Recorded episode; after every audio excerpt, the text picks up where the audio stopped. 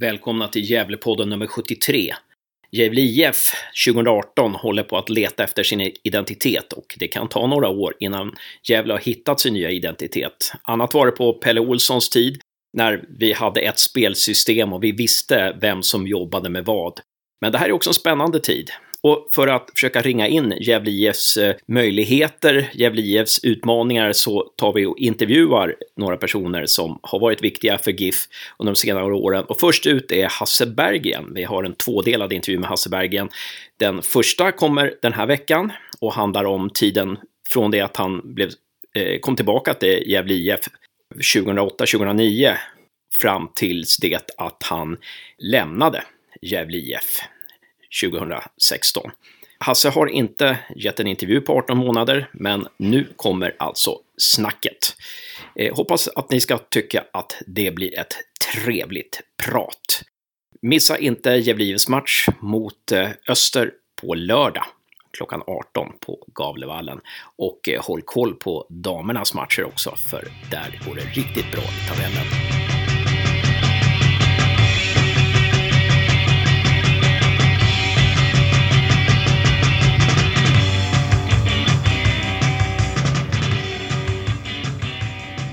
Till Gävlepodden, Hasse Berggren. Tack så mycket.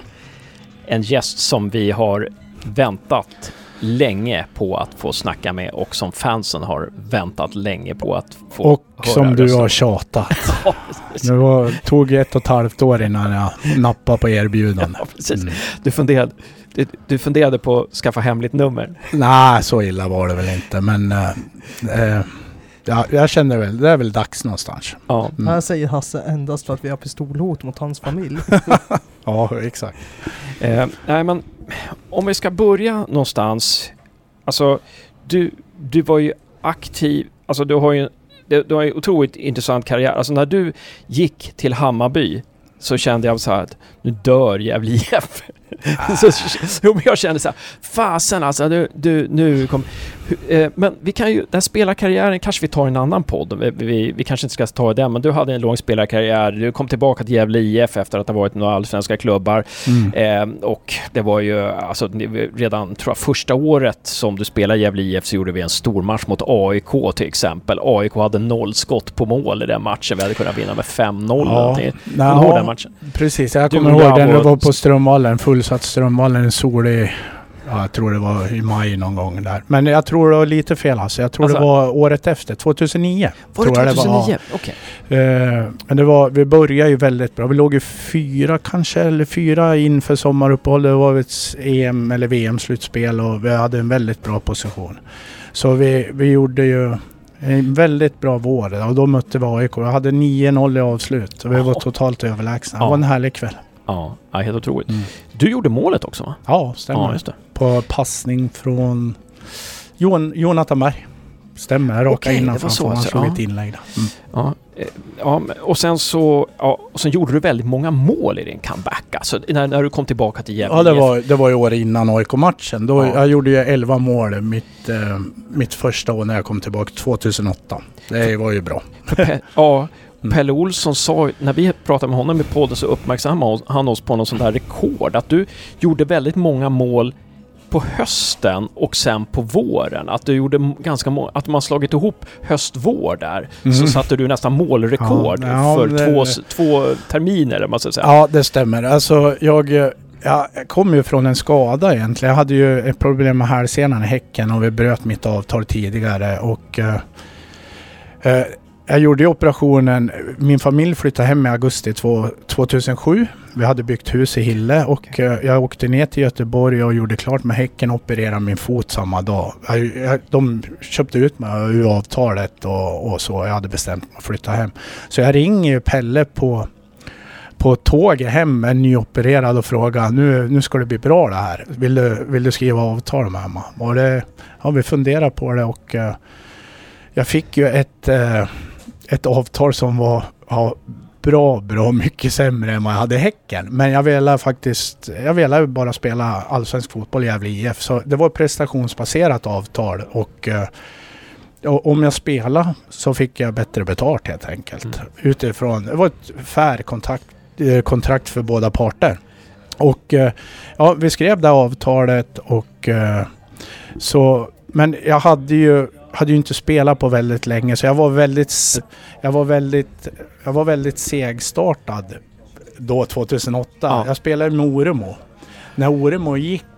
Oremo for, gjorde ju rätt mycket mål då, vart värvad till Djurgården. När han gick, då hade jag kommit igång fysiskt så att säga. Då gjorde jag väldigt mycket mål på hösten. Jag gjorde väl nio mål totalt. Två på våren och, och nio på hösten. Och där tog jag med mig in i 2009 och gjorde fem mål då på 10 eller 11, 12 matcher på våren. Sen åkte jag på en hälsporre då mot ÖIS borta. Så det är väl där Pelle menar att jag gjorde en, vad blir det, 16 mål på, ja, vad- kan det vara då? 20-25 matcher då kanske eller något Ja. sånt här. Ja, Så- jag vet inte. Så att ditt prestationsbaserade kontrakt blev rätt dyrt för Gävle ändå? Nej det vart det inte. Det vart bra. Det vart rimligt, så skulle jag vilja säga. Mm. Okej, men... ehm, och sen så, spela, sen så la du av 2011. Ja. Eh, du hade din avskedsmatch eh, mot Mjällby hemma, slutade Ja. 0-0. ja. Det var Eh, inte min avskedsmatch nej, utan nej. det var en allsvensk match. Men det nej. vart ju väldigt trevligt. Och det.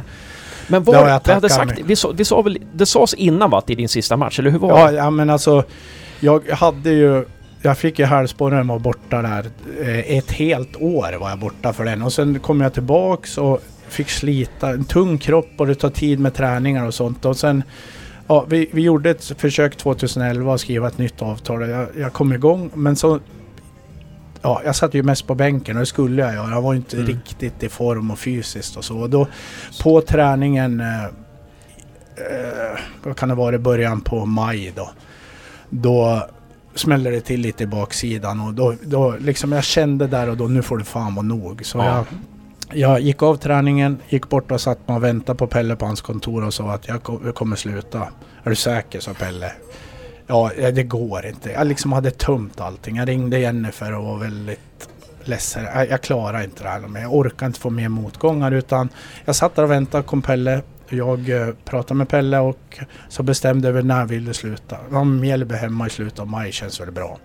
Jag gjorde inte många minuter liksom ändå. Så, men eh, då sa Pelle, vill du spela från start får du göra det. Vill du börja på bänken, vill du inte spela någonting, du får bestämma helt själv. Då, det kändes liksom min, det var ju en viktig match liksom.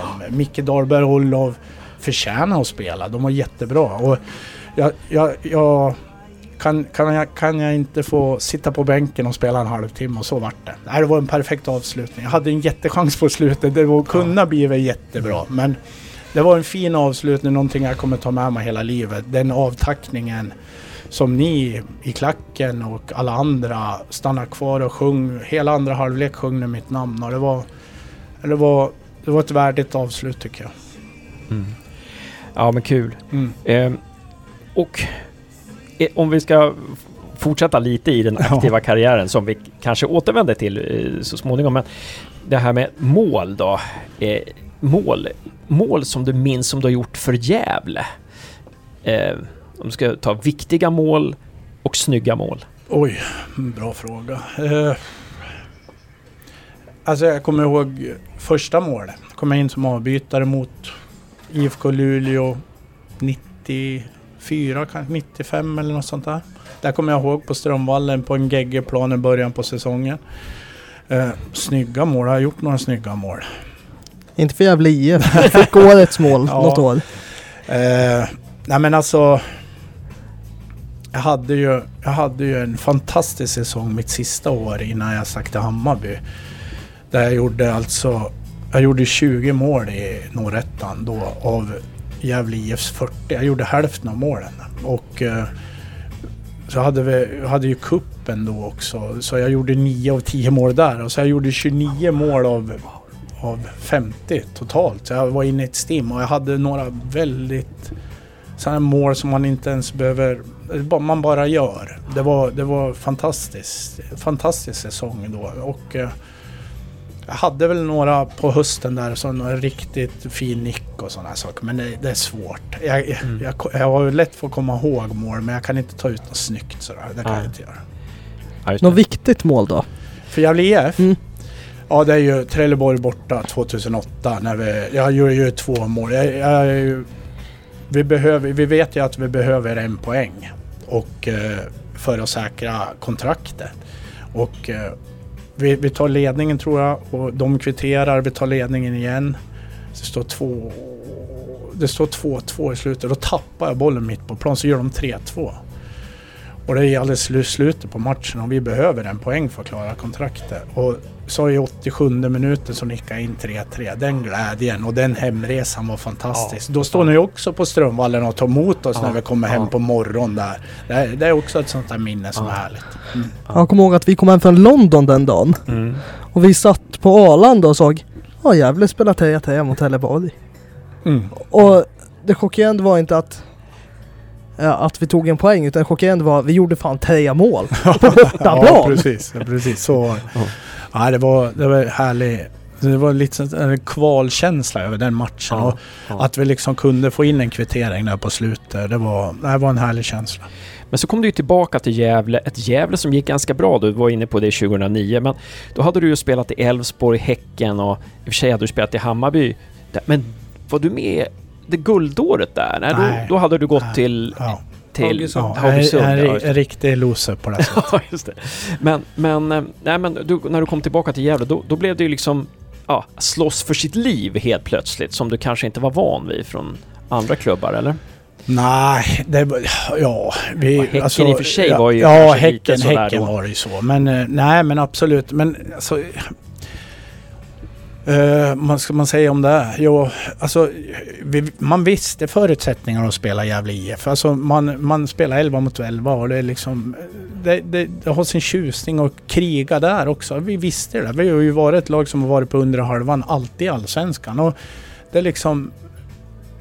Det, det, det får man anpassa sig efter. Som, men eh, det handlar om att spela fotboll och ta de poäng som krävs då.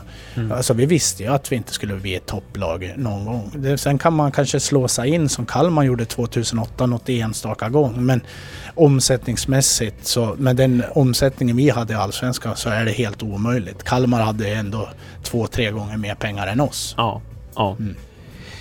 Och men sen så det här med målskytte är också att du alltid varit en målskytt. Alltså, jag menar, från det att du kom till Gävle tills du lämnade Gävle, alla klubbar du var i och sen när du kommer tillbaka till Gävle.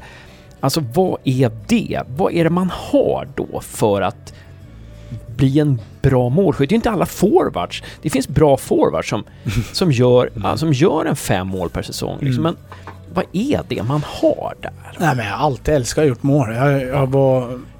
Det var liksom från tidig ålder. Det, det fanns liksom... Det var mitt stora driv att göra mål och eh, jag... Eh, jag jag, jag, jag, älskar just den känslan. Så det är någonting jag har liksom alltid drivit mig själv emot. Och, eh, jag hade ju mina begränsningar. Jag var stor, inte så snabb och sådär. Men jag, jag lärde mig att anpassa mitt spel efter förutsättningar. Och då var det ofta att liksom se möjligheter tidigt. Och sen var jag, jag var jag var väldigt duktig på att sätta bollen i mål alltså. Mm. Eh, Se lägena och det, kunna se situationen lite i förkant och Mm. ja, var ett stort driv skulle jag vilja säga. Ja. Från tidig ålder.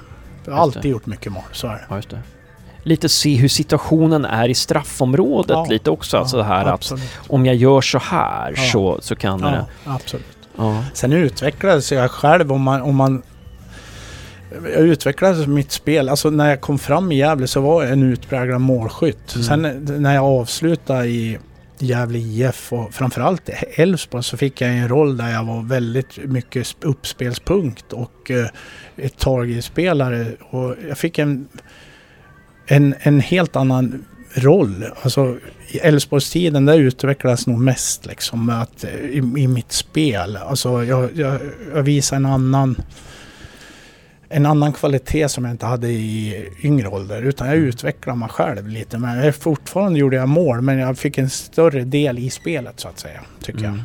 Och det, det är också en intressant resa. Mm. Mm. Men, men någonting som hände under din tid i Gävle var ju också det här med Alexander Gernts utveckling fick ju du följa när Ja. du kom till Gävle där. För det var ju en spelare som, ja, en bra forward, som inte gjorde några mål. Jag kommer ihåg en match, om det var mot Helsingborg eller någonting, jag tror vi förlorade med 2-0, alltså på läktaren och jag hörde några gubbar bakom mig uh, säga liksom, ja, där Gärnt, det är liksom bara, han kommer aldrig bli någonting. Liksom. Och sen bara exploderar han, han gör vad var det, 1-0 mot Örgryte? Eller någonting. Sista matchen. ja, Sista precis. matchen för säsongen. Jag tror Dahlén gjorde sitt Ja, enda... Först gjorde han mål mot Trelleborg. Näst sista. näst Sen sista. gjorde han mål mot Örgryte sista. Mm. Ja, Och sen gjorde han mål fem raka matcher. Ja. Ja, och sen, eh, ja, det- hur förklarar man det? Ja. Eh, Det är liksom jättekonstigt med proppen nu liksom. Och, och innan den säsongen han går till, när vi säljer han till, till Helsingborg så vad är det han gör? Alltså han gör tio mål för oss och så, så visst. fortsätter och vinner skytteligan. Det går Ja. liksom inte att förklara. Men han hade det i sig. Det gällde Ja, det bara var- att vänta ja. och få fram det. Han var en väldigt duktig fotbollsspelare. Han är en väldigt duktig fotbollsspelare. Eh, men det är så mycket som ska liksom klicka. Men det är svårt att förklara det där. ja.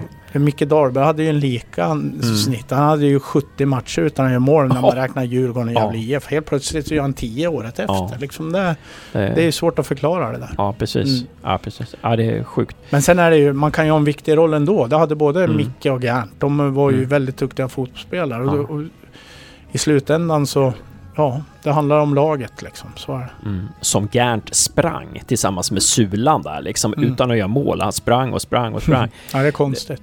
Ja, ja Mm. men, och sen så slutade du 2011 eh, Ja. i Mjällby-matchen där och sen så blev det eh, ja, sen, sen hamnade du i Gävles organisation. Hur gick det till där? Ja, alltså jag hade ju ett avtal den säsongen 2011 ut. Och jag, jag gick ju in till Pelle och det var ju liksom... Nej, men jag måste sluta. Jag orkar inte det här något mer. Så då, då väcktes det väl en tanke med min erfarenhet och det jag varit med om, om jag kunde hjälpa till. Då. Och då började vi skissa på en roll för mig då. Och då, då kom vi fram till att ungdomssidan behövde stärkas. Då skulle jag bli sportchef för ungdom och stötta den då, verksamheten. Och eh, så skulle jag vara med runt träningar och inte vara på bänken och så på matcher. Men jag skulle vara med och titta på läktaren och komma med tips i halvtid, sådana här saker. Och så stötta Ja. på träningarna. Och det, var, det var en stor glädje som eh, jag fick i det erbjudandet kan jag säga. Och det, det var speciellt, jag kommer ihåg Pelle och Leif, liksom de eh, Ja, vi, vi, vi ska försöka hitta något. Men så tog de in mig på ett möte och så förstår du vad det ger dig in på. Alltså de vill måla upp en bild hur det här är en livsstil. Och vad, jobba Gävle IF, det är liksom, det är inte det är inte 7-4 utan det här är någonting som man lever med. Och de, de var väldigt viktiga att du förstår liksom, här, här är det obekväma arbetstider. Du, du liksom, ja, de målar upp den bilden och är, du får jobb om du är med på de villkoren. Och det, det är ingenting jag ångrar så här i efterhand. Så jag har otrolig glädje. Men jag trodde inte det skulle vara så mycket jobb och så mycket timmar man fick lägga i. Men jag har gjort det med glädje hela vägen. Det är alltså alla beslut som har tagits som har gjort för Gävle IF. Så den gemenskapen som man har känt med de man jobbar med. Och vi har jobbat mot ett mål och den glädje man de gånger vi har kval oss kvar. Sådana här saker. Det är obeskrivligt. Man, jag tror man jag tror man inte kommer åt det i det vanliga arbetslivet. Det kan jag svara på nu. Det gör man inte. Den Nej. glädjen och liksom när man gör någonting tillsammans. Det är obeskrivligt. Det, ja, göra mål är ungefär samma känsla. Så är Men, det. men arbetstiderna måste ju blivit annorlunda. Som man har väl Ja, andra... inte, an- an- inte, inte första året. Utan det, jag satt mycket på kontoret. Sen hade vi borta matcher Mm. och sådana. Jag liksom var ju med runt laget. Men jag, jag hade en liten sk- skönare ingång där så att säga. Eh, så ja, men... eh, jag sen blev kom du det sport-. Jag tänker, kom det som en chock sen när det bara slog över? Från det här lugna ingångsåret Nej, till... utan jag jobbar ju så nära Pelle. Jag såg ju den tid och, och energi Pelle lägger in på jobbet. Han, han, Pelle var ju en sån människa som, eller är, han lägger liksom sin själ i det. Alltså ni, ni, ni, ni kan inte förstå hur mycket timmar och hur mycket tid han har lagt på Gävle IF. Och när man jobbar bredvid han, då förstår man vad som krävs för att jobba i Gävle IF. Mm. Alltså han, Pelle han kommer klockan åtta på morgonen. Mm. och jobbar med sportchefsfrågor. Han är liksom strukturerad. eh, vi resonerar, spelare, så, träning. Så tillbaks till kontoret och äter lunch efter träningen. Sen kan det vara en träning på eftermiddagen, möte med spelare, så går han hem fyra. Men... Ja, eller sex den Mm. kvällen. Och sen dagen efter ska han åka ner till Göteborg och match. Ni, liksom, Mm. Så här tickar på och kommer hem fyra. Mm. Kanske sover någon timme extra. Mm. Åter till kontoret 10. Så här liksom för att vara med och stötta organisationen med frågor. Alltså, Mm. Det är så det går till att jobba i Gävle Mm. IF.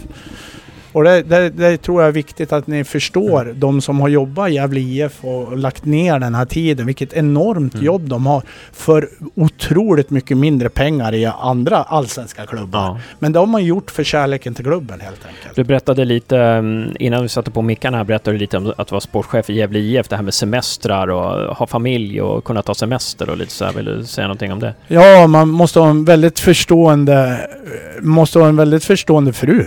Alltså, jag räknar ut, när jag tog över som sportchef för Pelle, så tre veckors semester på tre år hade jag. Alltså, då jobbar jag ju på dem också. Men så, jag visste förutsättningarna, jag visste liksom vad jag gav mig in på och det gjorde min familj också. Så man, men de gläds ju när de ser att jag gör någonting som jag tycker om att göra. Det är viktigt det också. Mm. Mm. Och sen blev du sport... Jobbade du som sportchef tillsammans med Pelle någon gång? Eller var men du alltså- ungdomsansvarig då? Jag var ju hade ni- sportchef ungdom men Mm. vi jobbar ju väldigt nära varandra. Pelle behövde ju mig att bolla idéer med och när vi värvar frå spelare så pratar vi om vilken vi ska satsa på och så här. Men det är ju Pelle som tar beslut som sportchef och tränare såklart. Men alltså alla beslut som tas i Gävle IF, det ska ni verkligen veta att det är ingenting jag bestämmer när jag är sportchef utan det är ju i samråd med tränaren. Vi kan ju inte ta in en spelare som inte tränaren vill ha och vice versa liksom. Utan det är ett resonemang som fortgår liksom hela tiden och där är ju det var ju Leif involverad och Eva på sin tid som klubbchef och har vi pengar till att täcka det. Det, det, är ett samarbete liksom. Mm. Var det någon gång du och Pelle var oense om en spelare? Som sedan, och du var för, eller ja, en av er var för. Men det blev inte den. Och den slog igenom rejält efter. Nja, jag måste tänka tillbaks lite men nej jag tror inte utan det, det Pelle har ju, har och hade en väldigt bra förmåga att se roller i, i, i laget liksom. Simon Lundevall kan jag känna så här i efterhand, det ska man kanske inte erkänna. Han var ju väldigt, han ser ju väldigt skör ut Simon. Men Pelle såg någonting. Men där, och sen är styrkan i Gävle IF var ju då att man fick tid på sig. Alltså Simon behövde, han var inte van med träningen. Det, det tog alltså ett och ett halvt, två år innan Simon slog igenom. Och då är det ju på grund av att Bernhardsson var skadad. Det är ju så mycket sådana här tillfälligheter och små, små detaljer som gör att man måste ha tur och man måste vara förberedd vid rätt tidpunkt. Men Simon kändes, jag hade ju inte sett Simon, det hade ju Pelle gjort. Och jag såg han på träningen, jag kan inte påstå att han imponerar väldigt. Han var liksom liten och skör som han ser ut nu också när han spelar Elfsborg. Men han hade, Pelle har en enorm förmåga att se talanger. Mycket bättre än mig skulle jag vilja säga. Jag tänker så här, Mm. när det, många spelare fick ju lång tid på sig i GIF. Tar dit dem, de får tid att anpassa sig. Och sen när de går gratis, hur känns det för dig som sportchef då? Att ni ger dem alla möjligheter och sen Ja, tack och adjö för... Ja men det är ju, det är ju, alltså man vet förutsättningarna. Så är det. Men visst är det klart att vi vill ju, om vi utbildar en spelare, om man skriver tre år med Simon och efter två år så slår han igenom, han har ett avtal och går ut. Alla största klubbarna i Sverige vill ha han, som det är. Och vi vet, då är vi körd. Så är det. Johan Bertilsson är också en sån. Det är ju jättejobbigt när man tar och ger han en chans och, och han slår verkligen igenom sista året på avtalet. Men det är bara att acceptera och börja om och försöka hitta en ny spelare. Och det har vi varit fantastiskt på. Vi har sålt väldigt mycket spelare som vi klarar av att hantera. Men i verksamheten har ju varit väldigt beroende av att kunna sälja spelare. Det har ju visat sig. Vi har sålt spelare för nästan 50 miljoner och nu är det ju tomt Mm. som jag uppfattar det. Och då... Av de två, av de fem bäst, av fem högst, eh, eh, hög, av mest betalda värvningarna i Sverige genom tiderna, alltså de Inrikes. fem inrikes, fem högsta transfersummorna, så ligger två Gävle-spelare på Nej, de fem. det är fantastiskt. Ja, då är Ja. Javo och Ja. Oremo. Ja, precis. Ja. Sen har vi Eh, sen har vi några väldigt bra försäljningar. Wikström till, eh, till Elfsborg och liksom i den... Två miljoner. Ja, det var lite mer till Ja, det var till och med, ja. Jag, jag ska inte sitta och nämna Nej, några nej. siffror. Men sen har vi Jakob Orlov till Brand var en väldigt Mm. bra försäljning och i rätt tid. René Makondele till Ja. Helsingborg.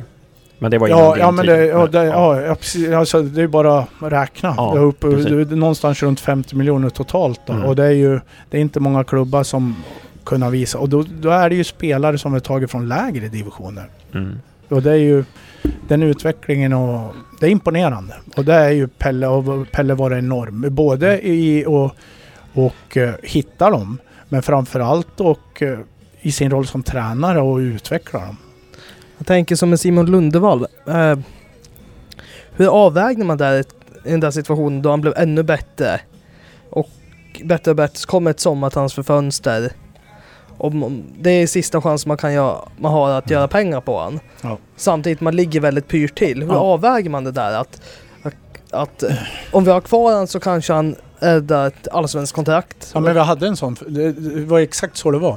När, när vi, alltså som mitt första år, Rogers första år, mitt första år som sportchef, då får vi alltså ett bud från Brann på Jakob Orlov och Simon Lundevall. De vill köpa båda två. Eller hur var det? Jag Ja. måste tänka Ja. tillbaka. Jag tänka. Jag vet att Jo, nej, Ja. vintern då, när vi säljer uh, Orlov. Där är ju Roger har precis blivit tränare. Men vi fick, Sim, ville ha Simon också på vintern. Så var det.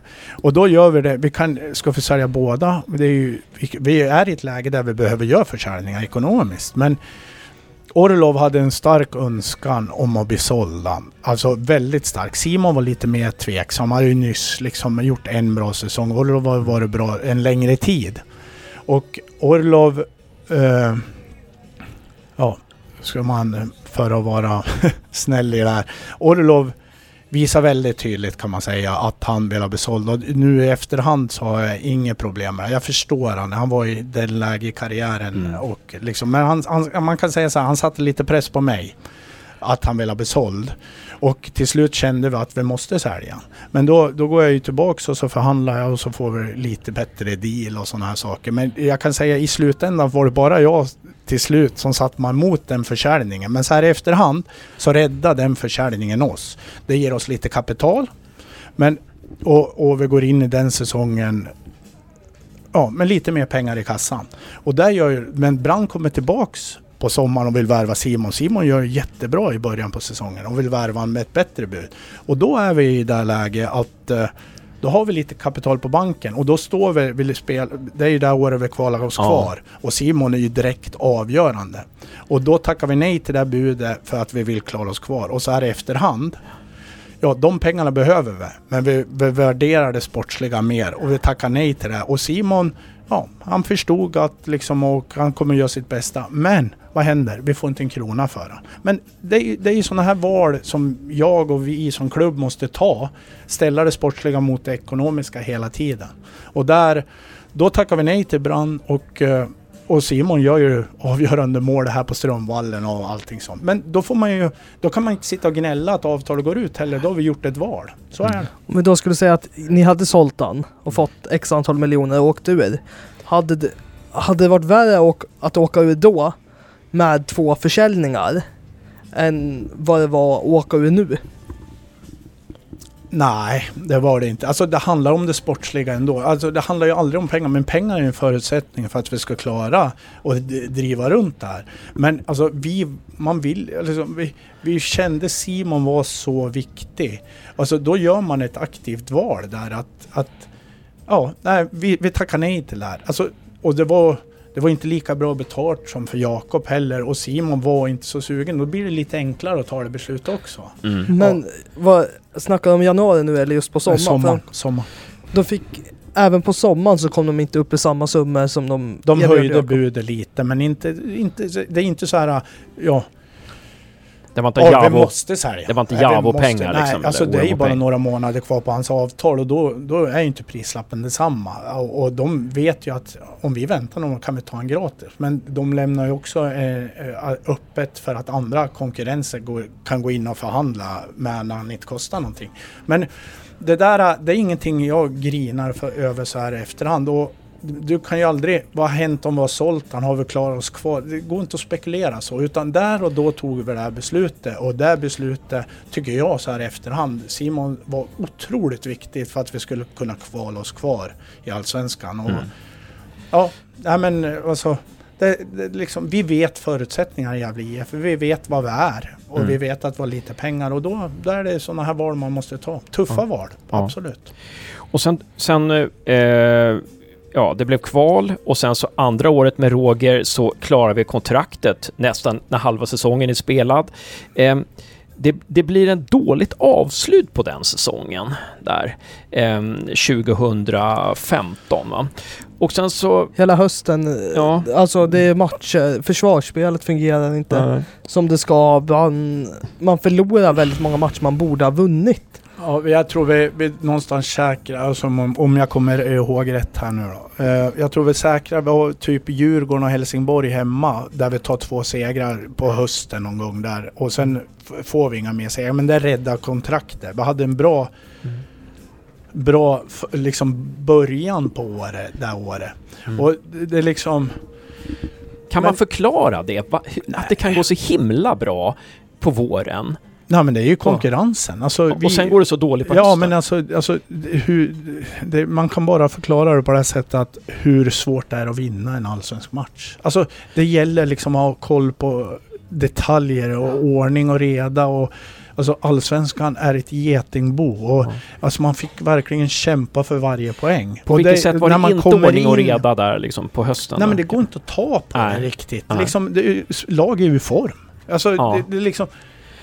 Vi, vi får det inte att studsa med, men Nej. över 30 matcher så har vi liksom de här 12 åren alltid lyckats mjölka ur i delar av säsongen för att klara kontraktet. Och det, det här måste jag säga, det är en sjuk bedrift. Ja. Jag som har varit i andra klubbar vet hur svårt det är Mm. alltså, med dubbla pengar. Ja. Trippla pengar liksom. Och, alltså, vi ska vara väldigt stolt över det vi åstadkom Verkligen. 12 år i Allsvenskan. Och, Och det, det- det- de som har jobbat i den här föreningen under den tiden. Alltså, där ska folk ha den Ja. största respekt för hur svårt det här var. Alltså. Ja men alltså är du inte AIK, Djurgården, Malmö, Elfsborg, alltså är du inte bland de där fem någonting, eh, då åker du ur var tionde år. Ja, och vi är klarar oss kvar 12 år. Så det, men ändå, om Mm. vi ska vara, liksom, vara lite analyserande där. Om du tänker tillbaka, är det någonting där som, att, som vi skulle ha lärt oss av hösten 2015? För vi tog ju med oss på något vis den här dåliga vanan till våren 2016 där när det gick så otroligt dåligt och eh, Roger sparkades och Thomas tog över. Alltså någonting, när du ser tillbaka, någonting vi hade kunnat göra annorlunda. Var det spelarmaterialet, det var det spelsystemet? Jag tänker också, det var att ni förlängde Fällmans kontrakt. Och en månad efter hans förlängning så tog en kinesisk klubb och köpte han. Ja, jag, jag, jag sitter alltså... David Fällman försökte jag förlänga, men då är vi i en situation. Det är samma om, om vi kommer in på Simon Lundevall också. Alltså, hans avtal går ut, massa klubbar vill ha honom, men David trivs i Gävle IF. Men en spelare vill ju, alltså, vill ju gå till större klubbar. Det är naturligt och så ska det vara. Och han vill ju självklart ha ett bra avtal. Men med David, jag pratade med David hela hösten och alltså, han har ju folk som en agent som jobbar åt honom och tar fram alternativ och så här. Men ju längre tid det går tyckte nog David att det, ja, det var ingenting som riktigt matchade han velat. Och då, då sa jag, men då gör vi så här. Alltså, vi förhandlar, jag har bara så här mycket pengar. Mm. Han fick en liten löneökning. Men det är ingen, det liksom ska inte falla någon skugga över David där och då. Men om jag har så här, liksom, jag, jag har en jätteliten pott pengar. Då går han med på det. Men då måste jag ge han någonting annat. Och då går vi med på att, att uh, att vi skriver in en klausul att det kostar för den summan. Alternativet är ju att vi inte får ett skit för det. Mm. Så Mm. jag tar ju det jag får i det här läget och så hoppas jag någonstans att Ja. David vill vara kvar där. Men då kommer en kinesisk klubb med ett jättebud då. Men då är det ju en. Jag förhandlar alltså 23 december sitter jag på kanslidagen före julafton och skriver avtal med David. En och en halv vecka senare kommer det här budet. Och då är det ju den där lilla summan. Ja. Alltså, för Om- att förklara hur svårt det är Josef, så är det. Det är Mm. det, precis det här, varje spelare, varje deal, när man inte har pengar. Då får man ta det man får, det blir smulor. Mm. Men, ja, Alltså, det, det, det har kunnat... Har inte de kommit och David spelar kvar och var du slutar då? Men så här svårt är det. Mm. Om vi säger nu mot all förmodan bara spekulerar att eh, han hade haft ett år kvar på kontrakten när den kinesiska klubben kom. Mm. Hur mycket mer tror du att han hade kun- kunnat fått ut av den affären då? Ja men alltså ett år kvar på kontrakt. Ja men alltså... Då hade ni inte Det är, sålt honom. det är rent... Nej. Alltså grejen, det är ju så många aspekter i det här. I och med Alltså, att nu hade ju den kinesiska klubben, de visste väl antagligen om vilket vilken klausul han hade och ja, de behövde ja, bara ja, men matcha alltså, det. Ja, ja visst. Absolut. Och vi, som jag sa, vi, vi, det, så, spelets regler är så. Men alltså, för att återkomma till det du frågar. Alltså, ja, alltså vad är klubben värd att betala för David? Det kom inget sånt bud när han hade ett år. Det, det är en ointressant fråga. Ja. Men där och då, ja, de kanske går med och betalar hans lön för att den summan är så liten. Och det är, det är liksom, det är, det här, det är så många aspekter i det, i det där. Vi vill ha David Fällman kvar.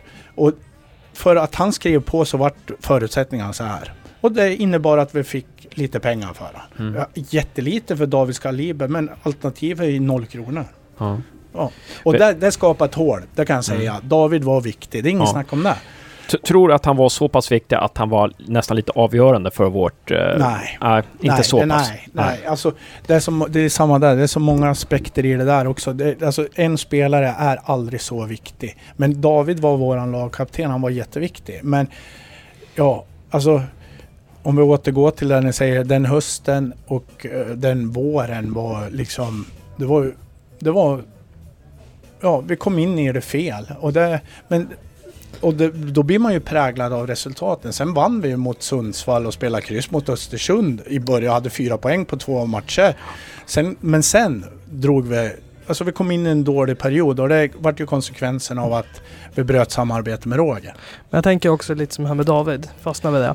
Att eh, ni visste ju om ungefär att det finns en stor chans att han lämnar. Mm. Eh, någon gång under det här ettårskontraktet eller under tid under säsongen. Och eh, sen väljer ni att ersätta han med en ung fransman. Alltså ni, ni fick ni tappade den här ledarkaraktären Mm. och fick inte in den här nya ledarkaraktären. Ja men det trodde vi att vi hade fått. Alltså, alltså Mm. där och då, vi har de pengar vi har att röra med och vi får ju titta på, visst, på en viss hylla ekonomiskt. Alltså, och då, Joshua Nadeau är en duktig fotbollsspelare och var en duktig spelare. Men sen förstår ju vi att han behöver ju tid att acklimatisera sig och lära sig spelsätt och ta till sig instruktioner och sådana här saker. Och där lyckas vi inte. Men så är det. Så är det, så enkelt är det. Alltså, det är när du inte har pengar så blir det chansningar ibland. Och, alltså, om vi går tillbaka till Pelle. Pelle har misslyckats med många spelare också. Men alltså, alltså vi som jobbar, har, ska jag säga, jobbar med det här, vet att det är så. Det är, när man inte har pengar då kan du inte köpa grädden liksom. Utan då är det, det är chansningar emellanåt. Och sen får man bara blunda och hålla tummarna. Ja. Ja. Om du skulle få vrida tillbaka tiden och om man skulle kunna förändra någonting, om vi säger att vi är, du vet vad du vet nu, får gå tillbaka i tiden och, och förändra någonting eh, för att försöka styra upp. Ni står på fyra poäng efter två matcher leker vi nu och sen så, eh, och sen så är det fortfarande, eh, man kan fortfarande göra förändringar i truppen sådär och är det någonting som ni hade gjort annorlunda då? som hade kunnat eh, styra upp hela den här säsongen med facit i hand. Det är alltid lätt med facit i hand, Ja, men om nej. vi leker med tanken. Liksom. Ja, alltså... Alltså det är ju... Ja, alltså... eh, är åter, man, man får backa bandet och så försöka tänka hur man kände sig där och hur man, hur man var. Och, alltså vi, efter de där fyra poängen på två matcher så tog vi inga mer segrar. Vi kanske tog någon poäng. Vart- Slutade vi på fem på tolv matcher eller något, Mm. fem poäng. och Jag tror Roger mot slutade. Östersund var sista Ja. poängen. Mm. Och, men, men det är det här... Jag, Roger är ju en kompis till mig och jag vill liksom inte orsaker och sådana här tänker jag inte gå in på. Men vi hade ju en ambition och, och Roger hade ett ambition att spela och i perioder spelade vi fantastisk fotboll. Det har ni väldigt lätt nu i, så här i efterhand att förstå hur bra fotboll. Vi körde över Häcken borta. Ja. 2010 eller när var det? 2015. 2015, det är för Ja. många år. Men Jag tror bollinnehavet var 65-35. Ja, mot Häcken borta. Ja, Och ja. alltså, liksom, det glöms väldigt lätt när det blir känslor. Alltså hur, vilken fotboll vi spelar. Men det handlar ändå om resultatet. Och när, när vi... När vi... När vi då kom överens om att bryta avtalet med, med Roger här så då försökte vi någonstans sätta försvar. Vi släppte in väldigt mycket mål. Så vi börja i den änden istället. Vi backar liksom och börja bakifrån någonstans. Och det, ja, vi fick inget resultat med Thomas i början. Men där Thomas och Marcus gjorde den hösten. Vi, höll, vi hade chansen ända in mot Östersund borta och vinner den matchen. Det är samma där. Ni liksom så här i efterhand, behandlingen av Thomas förra året, den har han inte gjort sig förtjänt av. Utan det han, höll, han och Marcus och vi i Gävle IF höll på att lyckas med från att stå på fem poäng på 12 matcher och nästan, ge, vi ger oss chansen ända in, är en fantastisk bedrift. Och det, det förtjänar all respekt. Och det, det tycker jag att man ska ta och tänka på. Precis som att vi ska tänka på vilken fotboll vi kunde prestera under Roger. Vi hade några riktigt bra matcher. Alltså, de förtjänar respekt. Sen, Ja. under, som jag sa förut, alltså, hur svårt är det inte att vinna en match i Allsvenskan? Eller bara ta en poäng? Alltså i Gävle IF. Och i Superettan. Ja, har ju superettan. Ja, men alltså Ja. i- elitidrott, alltså, du kommer in i perioder där du, där det inte stämmer. Då gäller det att bita ifrån och ge sig chansen liksom. Och, Mm. Och det har vi varit experter på. Mm. Mm. Ja, men sen, precis, och sen så, ja, sen så blev det trots allt då att vi åkte ur efter 12 år i Allsvenskan och eh, kanske det år, så det enda år i princip där vi inte var bottentippade, då åker vi ur. Ja. Eh, och, eh, eh, sen, och sen så eh, när vi åkte ur där så blir det lite förändringar i, i leden här. Och... Vad är du eh, ute efter? vad sa du? Det, Vad är du ute Ja. efter? Ja. ja, men det, det som Ja. jag tror många fans eh, undrar, eh, undrar liksom, vad var det som hände där när du gick? ditt Ja. sista uttalande var väl att jag kan inte stå bakom klubben Ja, ledarskapet. ja, på det- de här premisserna. Nej. Och det där har ju tolkats av fans eh, hur mycket som helst. eh, ja, och, och, ehm, ja. Ja. och vad, vad var det egentligen som hände där?